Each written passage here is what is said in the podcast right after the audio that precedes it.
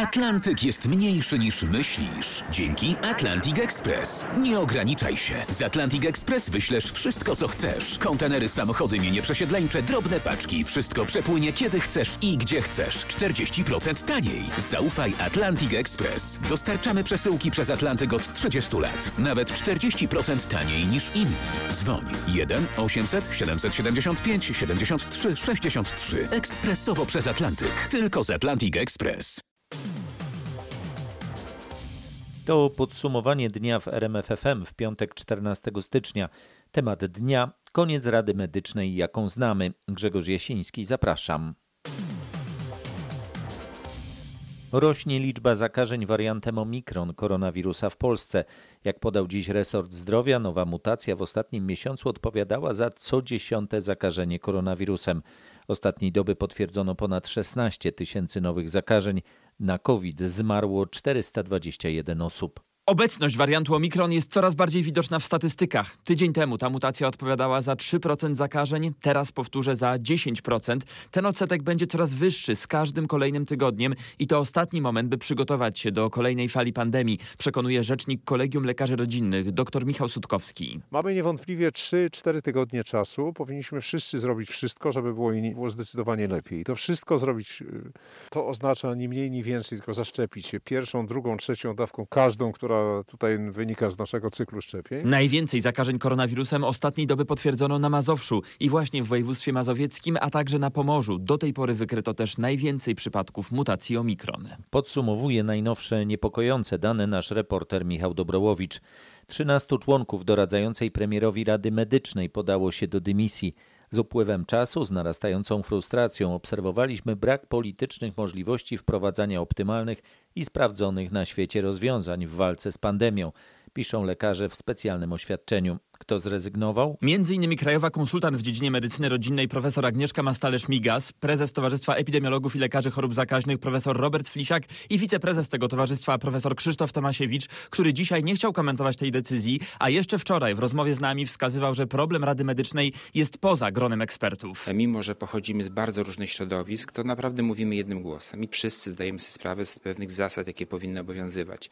Myślę, że to już należy do władzy, aby to te wszystkie zasady wprowadzić. W tej rozmowie z profesorem Tomasiewiczem pojawiały się też sformułowania takie jak jesteśmy sfrustrowani i Rada Medyczna jest na zakręcie. Dzisiaj w jej gronie zostało czterech z 17 dotychczasowych członków, a wśród nich główny doradca premiera profesor Andrzej Horban. Formuła doradcza Rady Medycznej zostanie zmieniona, zadanie wypracowania nowej formuły zostało przekazane ministrowi zdrowia. To fragment oświadczenia Centrum Informacyjnego Rządu w tej sprawie. Rząd tłumaczy, dlaczego opinie lekarzy często nie były wykorzystywane. Rolą rządu, czytamy, jest podejmowanie decyzji na bazie zróżnicowanych stanowisk Rady Medycznej, a także ekonomistów, ekspertów z innych obszarów, na które wpływa epidemia. Centrum Informacyjne Rządu podkreśla, że lekarze, którzy dzisiaj zrezygnowali, uzasadniali to tym, że wyczerpał się format tego gremium. Jakiego typu gremium może więc zastąpić Radę Medyczną? To zdecydowanie powinien być znów zespół ekspertów. Tak przekonuje epidemiolog i były wiceminister zdrowia, profesor Marcin Czech. Jak się psuje samochód, to idzie się do mechanika. Jak mamy tak poważną sytuację pandemiczną, jak jest w tej chwili, no to idzie się do najlepszych specjalistów. W tej radzie byli bardzo mądrzy, doświadczeni profesorowie medycyny. Profesor Czech podkreśla, że wiedza cały czas się zmienia i zespół właśnie taki jak Rada Medyczna umiał ją sprawnie uporządkować. Informował nasz reporter Michał Dobrołowicz. Minister zdrowia Adam Niedzielski podziękował za współpracę wszystkim członkom Rady Medycznej, którzy złożyli rezygnację. Ta decyzja, zgodnie ze wspólnymi deklaracjami na posiedzeniu Rady Ministrów, na pewno nie kończy naszych kontaktów, napisał. Na poniedziałek zapowiedział szerszy komentarz w tej sprawie. Polskie górnictwo naftowe i gazownictwo obniża na półtora miesiąca ceny gazu dla firm i to aż o jedną czwartą. Spółka ogłosiła to dziś w komunikacie. Ma to pomóc firmom przetrwać najgorszy okres. Od kiedy ta obniżka będzie obowiązywać? Od dzisiaj i zostanie uruchomiona automatycznie, a to oznacza, że firmy nic nie muszą robić od strony formalnej. Założenie tutaj jest proste. Każdy klient biznesowy PGNiG ma mieć obniżony rachunek za gaz o 25%. To dotyczy na przykład piekarni, zakładów fryzjerskich, firm usługowych, każdego. To jednak, pamiętajmy, nie rozwiązuje problemu, bo w praktyce ta obniżka oznacza po prostu złagodzenie podwyżek. Oznacza, że jeżeli taka piekarnia w styczniu dostała podwyżkę rachunków za gaz o 800%, to dzisiejszą decyzją ta podwyżka zmaleje z 800 do 600%, czyli dalej będzie bardzo bolesna, ale choć odrobinę łagodniejsza. Zapowiada Krzysztof Berenda. Wysokie ceny energii używanej do ogrzewania budynków mogą spowolnić walkę ze smogiem. Już teraz zainteresowanie wymianą starych pieców jest w niektórych gminach w Małopolsce mniejsze. Coraz więcej osób zgłasza się do urzędów gmin z wątpliwościami dotyczącymi wymiany źródeł ciepła. Część mieszkańców wniosków na razie nie wysyła, bo chce poczekać, mówi Anetta Kucharska z Urzędu Gminy w Zabierzowie. Tych obaw jest bardzo dużo. Raz rosnące ceny, dwa możliwości techniczne, gdzie są mieszkańcy, którzy nie mają możliwości technicznych przyłączenia gazu. Już pojawiają się takie, co to będzie dalej, a może ja nie powinnam wymienić tego pieca. Do końca tego roku w Małopolsce powinny zostać wymienione wszystkie stare piece niespełniające norm jakości. Wysokie ceny paliw mogą utrudnić dotrzymanie tego terminu. Informuje Marek Wiosło, ale to nie jedyny problem. Ani w tym, ani w przyszłym roku nie damy rady przyłączyć do sieci gazowych nowych domów. Tak otwarcie mówi Polska Spółka Gazownictwa. A to oznacza, że osoby budujące właśnie domy muszą nagle znaleźć inne sposoby ogrzewania. Jak ten problem wygląda w praktyce? Skontaktował się z nami pan Michał z Opola, który zajmuje się projektowaniem instalacji gazowych. Opowiedział nam historię swoich klientów, których rząd zachęcał do wybrania tego bardziej ekologicznego sposobu ogrzewania. Dostali już zapewnienie, że będą mogli przyłączyć się do sieci gazowych. Klient zakupił właśnie kocioł, a idąc po podpisanie umowy dostał odmowę. No i co on teraz ma zrobić? Ministerstwa Aktywów Państwowych i Środowiska rozkładają ręce, a Polska Spółka Gazownictwa tłumaczy, że wyczerpał jej się budżet. Jak podaje ubiegły rok był rekordowym pod względem nowych przyłączeń do sieci gazowych. PSG to spółka córka PGNiG, które informuje, że pracują nad tym, by zwiększyć jej finanse. Nie wiadomo jednak, co do tej pory mają zrobić ludzie. Informuje o tym Monika Cwalina-Kucharczyk. Średnio 1,5 tysiąca jednorazowej rekompensaty za pracę w weekendy oraz wzrost średniej płacy do 8200 zł brutto przewiduje porozumienie zawarte przez związkowców z zarządem Polskiej Grupy Górniczej. Po kilku tygodniach negocjacji górnicy dostali wszystko, czego żądali. Zakończyliśmy spór zbiorowy, mamy podpisane porozumienie zamykające 2021 rok, czyli 8200 średnim wynagrodzeniem. Rekompensata dla pracowników Polskiej Grupy Górniczej zostanie wypłacona w dniu 1 marca. Tym samym zawieszamy, czy, czy nie, nie będzie akcji protestacyjnych na torach w poniedziałek. Zapowiada Bogusław Hutek, szef Górniczej Solidarności. Jeśli mieszkasz sam i twój miesięczny dochód na rękę w roku 2020 nie przekroczył 2100 zł, to przysługuje ci 400 zł dodatku osłonowego. W gospodarstwie wieloosobowym taki dochód w przeliczeniu na członka rodziny nie może być wyższy niż 1500 zł. Kto ma prawo do wyższego dodatku osłonowego? W przypadku osoby samotnie gospodarującej normalnie wynosi on 400 zł, a może być przyznany w wyższej kwocie, czyli 500 zł. O taki dodatek może się ubiegać osoba, która swoje mieszkanie ogrzewa węglem albo paliwami węglopochodnymi. Ale tutaj jest warunek. Budynek, w którym się mieści to mieszkanie, został zgłoszony do Centralnej Ewidencji Emisyjności Budynków. Dlatego jeżeli osoba dzisiaj ogrzewa węglem, ale nie jest pewna, czy budynek został zgłoszony do ewidencji, lepiej się wstrzymać ze złożeniem wniosku, sprawdzić u zarządcy. Jeżeli zgłosił, złożyć wniosek i wtedy będzie w podwyższonej wysokości. Kto dokładnie może liczyć na taką pomoc? Jak to sprawdzić? Czy mogę skorzystać z takiego dodatku osłonowego? Musimy wziąć, jeżeli osoba pracuje PIT za cały 2020 rok i ten dochód po odliczeniu wszystkich składek, podatku podzielić na 12 miesięcy. Jeżeli on nie przekroczy kwoty 2100 zł przy samotnie gospodarującym albo przekroczy o nieznaczną kwotę, wtedy jak najbardziej możemy taki dodatek osłonowy uzyskać. Wniosek należy złożyć do końca października 2022 roku. Do wniosku nie trzeba załączać PIT-u czy zaświadczenia o dochodach. To już będą później weryfikować urzędnicy. Z zastępcą dyrektora łódzkiego centrum Katarzyną Ciepłuchą rozmawiała Agnieszka Wyderka. Termin rozliczania się starczy PFR 2.0 dla małych i średnich firm został wydłużony do 23 stycznia, ustalili dziennikarze RMFFM. Informację potwierdził zresztą Polski Fundusz Rozwoju. Co grozi przedsiębiorcom, którzy nie złożą dokumentów? To, że będą musieli oddać subwencje, które dostali. Ci przedsiębiorcy mają czas na rozliczenie się do 23 stycznia, ale najlepiej by zrobili to do jutra. Wtedy we wtorek lub środę dostaną informacje o ewentualnych błędach i będą mieli czas, by je poprawić. Co ważne, mikrofirmy, które dostały subwencje z tarczy PFR 2.0 mają rozliczać się z kolei od 19 stycznia do 28 lutego. Przypomina Monika Cwalina-Kucharczyk. W przyszłym tygodniu planowane jest spotkanie prezydenta z ministrem edukacji i nauki Przemysławem Czarnkiem. Jednym z tematów rozmowy będzie przyjęta wczoraj przez Sejm nowelizacja prawa oświatowego. Czy to oznacza, że prezydent podziela krytyczne uwagi dotyczące tzw. Tak Lex Czarnek? Nieoficjalnie kancelaria prezydenta nie jest do końca zadowolona z obecnego kształtu przepisów. Zgadza się nawet częściowo z opiniami, że w wyniku tych zmian uprawnienia kuratorów oświaty będą zbyt szerokie. Według ustawy mają mieć oni większy wpływ na wybór i odwoływanie dyrektorów szkół. Podlegli ministrowi edukacji kuratorzy będą też mogli kontrolować, jakie zajęcia pozalekcyjne organizowane są w szkołach. Prezydent chce, by w trakcie trakcie rozmowy w cztery oczy minister Czarnek wyjaśnił te planowane zmiany. Wielkiej niechęci nie ma, usłyszałem od współpracownika Andrzeja Dudy, ale poważne wątpliwości co do ustawy są. Informuje nasz reporter Roch Kowalski. Publikacja tych danych nie jest zagrożeniem dla bezpieczeństwa państwa ani funkcjonowania sił zbrojnych. To treść oświadczenia resortu obrony. Chodzi o wyciek, o którym rano informował Onet. Według portalu do sieci dostało się ponad 1 700 tysięcy pozycji z bazy zasobów armii.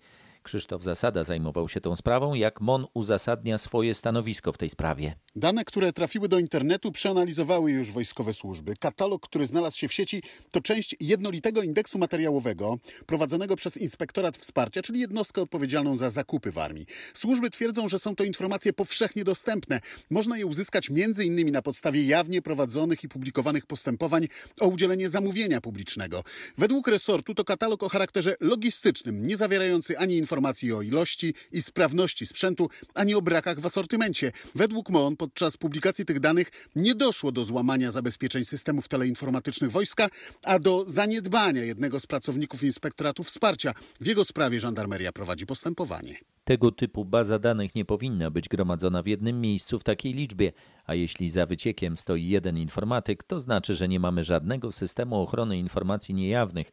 Tak sprawę komentuje w radiu RMF24 generał Jarosław Strużyk, były zastępca dyrektora zarządu wywiadu sztabu wojskowego NATO. Kto jego zdaniem ponosi odpowiedzialność? Na pewno nie dowódca plutonu, czyli naj, najniższy szczebel, tak jak w przypadku e, dezertera na Białoruś. E, to są osoby odpowiedzialne ze szczebla najwyższego dowódczego. E, czas poczuć się odpowiedzialnym, a powiedziałbym również, że ze szczebla politycznego, bo to nie pierwsza afera Ministerstwie Obrony Narodowej. Opozycja domaga się wyjaśnień od ministra obrony. Oczekujemy od ministra Błaszczaka jak najszybszego wyjaśnienia tej sprawy i poinformowania opinii publicznej, czy w związku z tym gigantycznym skandalem on poda się do dymisji. Przekonywał Cezary Tomczyk z PO. Na razie jednak sejmowego wniosku o odwołanie Mariusza Błaszczaka nie będzie. Pierwszy raz w historii Komisja Europejska będzie umniejszać fundusze dla unijnego kraju w związku z tym, że odmawia on płacenia kar. Chodzi o karę nałożoną przez TSUE na Polskę pół miliona euro dziennie na wniosek Czech w związku z niezaprzestaniem wydobycia węgla brunatnego w Turowie. Jak donosi nasza dziennikarka w Brukseli, procedura w tej sprawie jest w toku. Zapewne pod koniec tego miesiąca lub na początku lutego przeznaczone dla Polski fundusze zostaną umniejszone o karę i odsetki. Nie wiadomo jeszcze, z jakich konkretnie funduszy Komisja Europejska odbierze te pieniądze. Będą to raczej fundusze spójności. Komisja dokonuje płatności co tydzień na różne projekty i w momencie, gdy już procedura zostanie zakończona 18 stycznia, Komisja będzie musiała na bieżąco sprawdzić, którą kwotę umniejszyć. Będzie to więc operacja techniczna, księgowa, ale już usłyszałam zapewnienia, że bezpośredni beneficjenci w Polsce na tym nie stracą. Jeden z urzędników Komisji powiedział mi, że w każdym razie będzie to musiała być na przykład faktura dosyć wysoka, żeby komisja mogła odjąć 15 milionów euro kary, bo na tyle opiewa ta pierwsza transza, od zapłacenia której uchylają się polskie władze. Do tego dochodzi 30 tysięcy euro karnych odsetek. Do Polski przyjedzie w lutym oficjalna misja Parlamentu Europejskiego, by badać sytuację praworządności po wyrokach Trybunału Konstytucyjnego, które podważają prymat unijnego prawa. To nieoficjalne ustalenia naszej dziennikarki w Brukseli. Jakie znaczenie ma ta misja eurodeputowanych? Misja będzie miała charakter formalny. Jest to inicjatywa dwóch komisji Parlamentu Europejskiego: LIBE, czyli Komisji do Spraw Wolności Obywatelskich, oraz AFKO, czyli Komisji do Spraw Konstytucyjnych. Ma poparcie najważniejszych frakcji Parlamentu Europejskiego i w przyszłym tygodniu mają ją zatwierdzić szefowie grup politycznych Europarlamentu. Na jej czele stanie prawdopodobnie sprawozdawca do spraw Polski, hiszpański socjaldemokrata Juan Fernando López Aguilar oraz szef Komisji AFKO były przewodniczący Parlamentu Europejskiego Antonio Tajani. Moi rozmówcy twierdzą, że eurodeputowani będą chcieli się spotkać z najwyższymi władzami w Polsce, a także z sędziami, organizacjami pozarządowymi oraz opozycją. Rezultatem misji będzie raport, który stanie się podstawą do rezolucji Parlamentu Europejskiego. Jak usłyszałam, może on odegrać także rolę w toczącej się wobec Polski procedurze artykułu 7. Informuje prosto z Brukseli Katarzyna Szymańska-Borginą. Stany Zjednoczone zaoferowały Ukrainie pomoc w zbadaniu cyberataku na kilkadziesiąt stron internetowych rządu w Kijowie. Pojawił się na nich komunikat z wyraźnymi błędami językowymi po rosyjsku, ukraińsku i po polsku. A to nie jedyne niepokojące wieści. Amerykanie twierdzą, że Rosja wysłała na wschodnią Ukrainę grupę agentów w celu zorganizowania prowokacji. Miała ona posłużyć za pretekst do inwazji, podała telewizja CNN. Kreml oficjalnie zaprzecza. Na wschodzie Ukrainy jest nasz specjalny wysłannik Paweł Balinowski, który rozmawiał z wojskowymi. Jak oni widzą zagrożenie? Na granicy obwodu ługańskiego Ukrainy po stronie Rosji stacjonuje kilkanaście tysięcy żołnierzy. Część jest na poligonach. Tak mówi mi generał Dmitrij Krasylnikow, dowódca działającej w tych okolicach grupy Piwnicz. Na razie nie widzimy, by te jednostki przygotowywały się do natarcia, ale to może się szybko zmienić, dodaje. Jeśli chodzi o pierwszą falę ataku, jeśli Rosjanie dostaliby taki rozkaz, myślę, że w ciągu dwóch dni byliby w stanie uderzyć. Te ruchy rosyjskich wojsk ukraińscy żołnierze starają się monitorować z centrum dowodzenia niedaleko Lisiczańska, kilkanaście kilometrów od linii frontu. Ich pierwsze zmartwienie to jednak nie Rosjanie, a separatyści, regularnie łamiący zawieszenie ognia i używający zakazanych przez konwencję genewską min przeciwpiechotnych. Choć to był tydzień intensywnych spotkań na linii Moskwa-NATO, Stany Zjednoczone, OBWE, nie ma wielkich nadziei na deeskalację napięć wokół Ukrainy. Przez dwa tygodnie było spokojnie. Wczoraj, przedwczoraj znów strzelano. W święta i Nowy Rok bojownicy też strzelali, ale już nie z karabinów, tylko z moździerzy. Opisuje Sierhiej, dowódca jednego z posterunków. W ciągu dnia strzały padają rzadko, w nocy ostatnio nawet kilka razy na godzinę, mówią mi obecni tutaj żołnierze. Zołote niedaleko Ługańska na Ukrainie. Paweł Balinowski. Szefowie dyplomacji krajów Unii Europejskiej oświadczyli na nieformalnym spotkaniu w Breście na zachodzie Francji, że sankcje wobec Rosji są na stole, by nie dopuścić do ataku na Ukrainę. Była polska ambasador w Moskwie Katarzyna Pełczyńska-Nałęcz w rozmowie z RMFFM twierdzi, że nie można wykluczyć zaostrzenia sytuacji na Ukrainie. Rosja już de facto prowadzi wojnę z Ukrainą, warto o tym pamiętać i to, co się może zdarzyć, to jest eskalacja. Jest ze strony rosyjskiej na to gotowość, choć uważam, że to nie jest gotowość na taką pełnej skali operację militarną podbijanie Ukrainy. Na to Rosja raczej się nie szykuje. Rozmowa Marka Teichmana z Katarzyną Pełczyńską-Nałęcz nie tylko o Rosji i Ukrainie jest na rmf24.pl. Prezydent Ukrainy Wołodymyr Zełeński zaproponował amerykańskiemu przywódcy Joe Bidenowi przeprowadzenie trójstronnych rozmów z rosyjskim prezydentem Władimirem Putinem. Szef biura prezydenta Ukrainy Andrii Jermak podał, że rokowania mogłyby się odbyć za pośrednictwem łączy wideo. A teraz jeszcze rzut oka na zachodnią Europę. Drastyczne zaostrzenie ochrony kościołów w całej Francji to reakcja tamtejszego rządu na szokujący raport, według którego w ciągu zaledwie roku doszło do blisko 700 ataków, kradzieży oraz aktów wandalizmu i profanacji w katolickich świątyniach w całym kraju. We francuskich kościołach instalowane mają być systemy alarmowe oraz kamery monitorujące zarówno to, co dzieje się wewnątrz świątyń, jak i wokół ich bram. Ma to nie tylko odstraszać islamistów i pospolitych przestępców, ale również w razie potrzeby ułatwiać ustalanie ich tożsamości. Wokół świątyń zwiększona ma zostać też liczba policyjnych i wojskowych patroli. Według autorów raportu ujawnionego przez MSW, coraz częściej we francuskich kościołach zdarzają się nie tylko kradzieże, ale również między innymi ataki islamskich ekstremistów, którzy niszczą krucyfiksy i odcinają posągom świętych głowy. Informuje nasz paryski korespondent Marek Gładysz. Sprawa podszywania się pod osoby znane publicznie i informowania z ich telefonów o alarmach bombowych została przejęta przez prokuraturę regionalną w Warszawie. Jak dowiedział się reporter RMFFM Krzysztof Zasada, ta jednostka bierze pod nadzór wielowątkowe śledztwo. Jaki jest powód tej decyzji? Jak usłyszałem, z jednej strony chodzi o wagę sprawy i jej stopień skomplikowania. Z drugiej ma być to sygnał, że prokuratura traktuje ten proceder bardzo poważnie. Postępowanie w sprawie fałszywych alarmów bombowych i podszywania się pod znane osoby pod nadzorem prokuratury regionalnej ma prowadzić Biuro do Walki z Cyberprzestępczością Komendy Głównej Policji oraz Komenda Stołeczna Policji. Przedwczoraj ktoś podszył się pod żonę opozycyjnego senatora Krzysztofa Brejzy i z jej numeru telefonu alarmował o bombach w szpitalach w Kujawsko-Pomorskiem. Dziś znów jest informacja o fałszywych alarmach z telefonu córki ostro krytykującego rząd mecenasa Romana Giertycha. Prokuratura zaskarży decyzję sądu o warunkowym areszcie dla Mariusza Z. podejrzanego o gwałt. Sąd zdecydował, że były naczelny Superekspresu trafi na trzy miesiące za kraty, chyba że wpłaci pół miliona złotych poręczenia majątkowego. Jak dziennikarz odnosi się do zarzutu?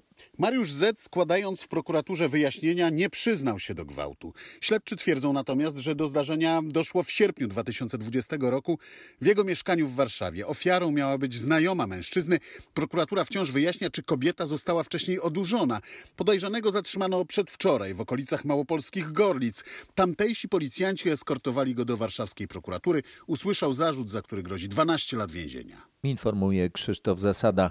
Policjanci z Poznania zatrzymali mężczyznę, który na ulicy zaatakował kuriera, wbijając mu strzykawkę z igłą w plecy. Do podobnego zdarzenia doszło kilka dni wcześniej. Wtedy 27-latek ukłuł igłą operatora kamery lokalnej telewizji, który realizował materiał. Co wiadomo o zatrzymanym? Mężczyzna na początku tego roku opuścił zakład karny. Udało się go namierzyć m.in. dzięki miejskiemu monitoringowi i sygnałom, jakie otrzymali policjanci. 27-latek został zatrzymany przez grupę funkcjonariuszy na przystanku tramwajowym. Zgłoszenie wpłynęło do policjantów z rejonu Kupca Poznańskiego. To właśnie tam przez tego mężczyznę został zaatakowany kurier. Okazało się, że to nie pierwsze takie zdarzenie, ponieważ do podobnego ataku doszło na ekipę telewizyjną. Policjanci zajmujący się tą sprawą weryfikują również inne podobne sytuacje, w których mógł on brać udział. Tłumaczy młodszy aspirant Marta Mróz z poznańskiej policji. Zatrzymany przebywa teraz w policyjnym areszcie i czeka na przesłuchanie. Relacjonuje nasz reporter Mateusz Chłystun. Nawet dwa tygodnie oczekiwania na pogrzeb w Krakowie. Tak wzrosła w stolicy Małopolski liczba pochówków. Na cmentarzach komunalnych pogrzeby odbywać się będą także w soboty. Zatrważające statystyki związane z pandemią y, mają swoje odzwierciedlenie na cmentarzach komunalnych w Krakowie. Zazwyczaj było około 6, maksymalnie 10 pochowań. W tym momencie właściwie normą już jest, że minimum 10, a nawet 14. Normalnie pochówki odbywają się w dni robocze, natomiast ta sytuacja wymusza organizację pogrzebów także w sobotę. Tłumaczy Patrycja Ćwikła z zarządu cmentarzy komunalnych w Krakowie.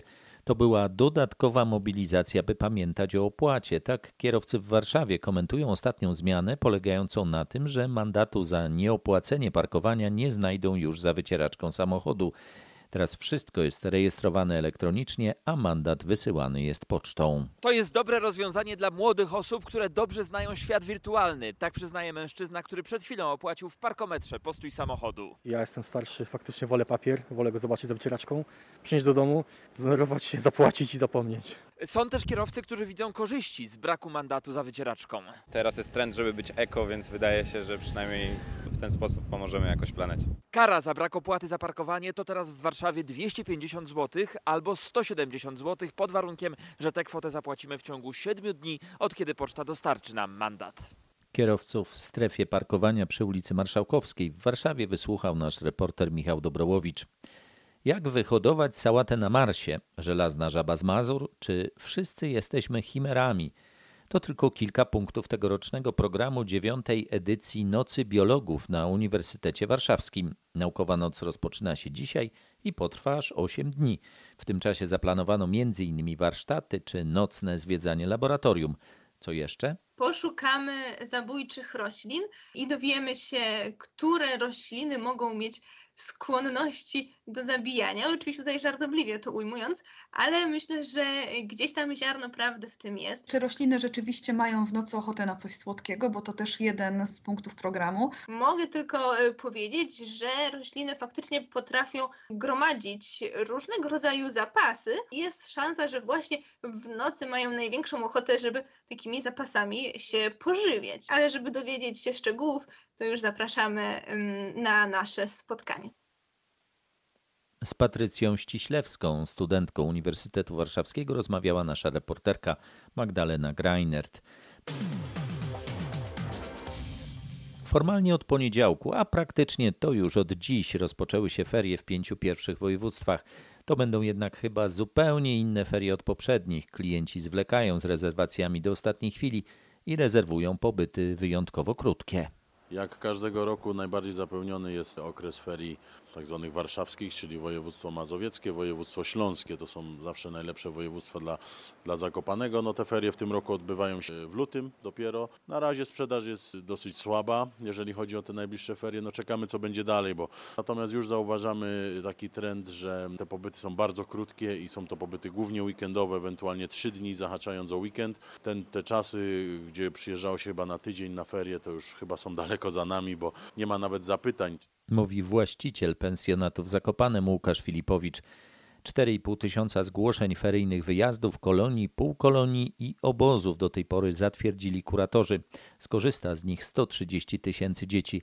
Rodzice mogą sprawdzić na stronie ministerstwa, czy organizator zgłosił turnus do kuratorium oświaty. Mogą też zgłaszać ewentualne nieprawidłowości, na przykład do sanepidu a do czego rodzice są zobowiązani? Muszą złożyć pisemne oświadczenie, że dziecko jest zdrowe i nie ma objawów sugerujących chorobę zakaźną. Uczestnik wyjazdu ma między sobą maseczki i środek antybakteryjny. Jeśli w czasie wypoczynku dziecko zachoruje, na przykład ma gorączkę, kaszel, katar, biegunkę czy wysypkę, opiekunowie mają je odebrać w ciągu maksymalnie 12 godzin. Dziecko będzie traktowane jako niezaszczepione, chyba że opiekunowie przedstawią certyfikat zaszczepienia przy korzystaniu z atrakcji, gdzie obowiązują limity. I na koniec od września obowiązuje nowy wzór karty kwalifikacyjnej uczestnika wypoczynku dla dzieci i młodzieży. Przypomina Magdalena Greinert. A na jaką pogodę mogą liczyć uczniowie podczas wypoczynku? W pierwszym tygodniu zimowa aura w Małopolsce. A co z pozostałymi regionami? Takich dobrych informacji nie mam. Śniegu będzie raczej mało. Oczywiście jeszcze jest drugi tydzień, e, czyli od 24 do 30 stycznia. Tu mam dobrą informację dla dzieci z Warmińsko-Mazurskiego, Podlaskiego i jeszcze ci, którzy będą ze Świętokrzyskiego, ponieważ według wstępnych prognoz ze wschodu ma do nas napłynąć chłodniejsze powietrze i jest naprawdę spora szansa, że w tym drugim tygodniu spadnie śnieg przewiduje synoptyk Grzegorz Walijewski z IMGW. Wysoko w górach trzyma zima, niżej mamy odwilż, a co za tym idzie śliskie szlaki. Takie są warunki w Karkonoszach. W weekend w szczytowych partiach gór ma mocno wiać, ostrzegają goprowcy. Porywy wiatru mogą osiągnąć nawet 100 km na godzinę. Przypominamy, że przy takich porywach wiatru na pewno ta temperatura odczuwalna będzie znacznie niższa. E, na szczęście e, stoki w rejonie są naśnieżone, stoki narciarskie zarówno w Karpaczu, w Szklarskiej czy w Środowie Zdroju działają, czyli zawsze znajdą Państwo alternatywę do spędzenia czasu na stoku narciarskim. Proponował Sławomir Czubak, naczelnik grupy karkonoskiej GOPR. Pogoda pokrzyżowała plany skoczkom narciarskim.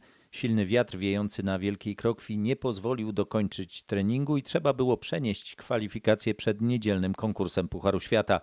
Kibice wychodzili ze skoczni zawiedzeni, ale wciąż z optymistycznym nastawieniem. No niestety zawód, ale co zrobić? Pogoda dyktuje warunki, niestety. I pechowo w tym Zakopanem. Co bardzo pechowo, ale jak to było z e, Ammanem w pewnych jego latach świetności i Igrzyska Olimpijskie, tak myślimy, że i z Polakami będzie tak samo. Czy zawiedzeni Państwo pewnie z daleka przyjechaliście? No na pewno.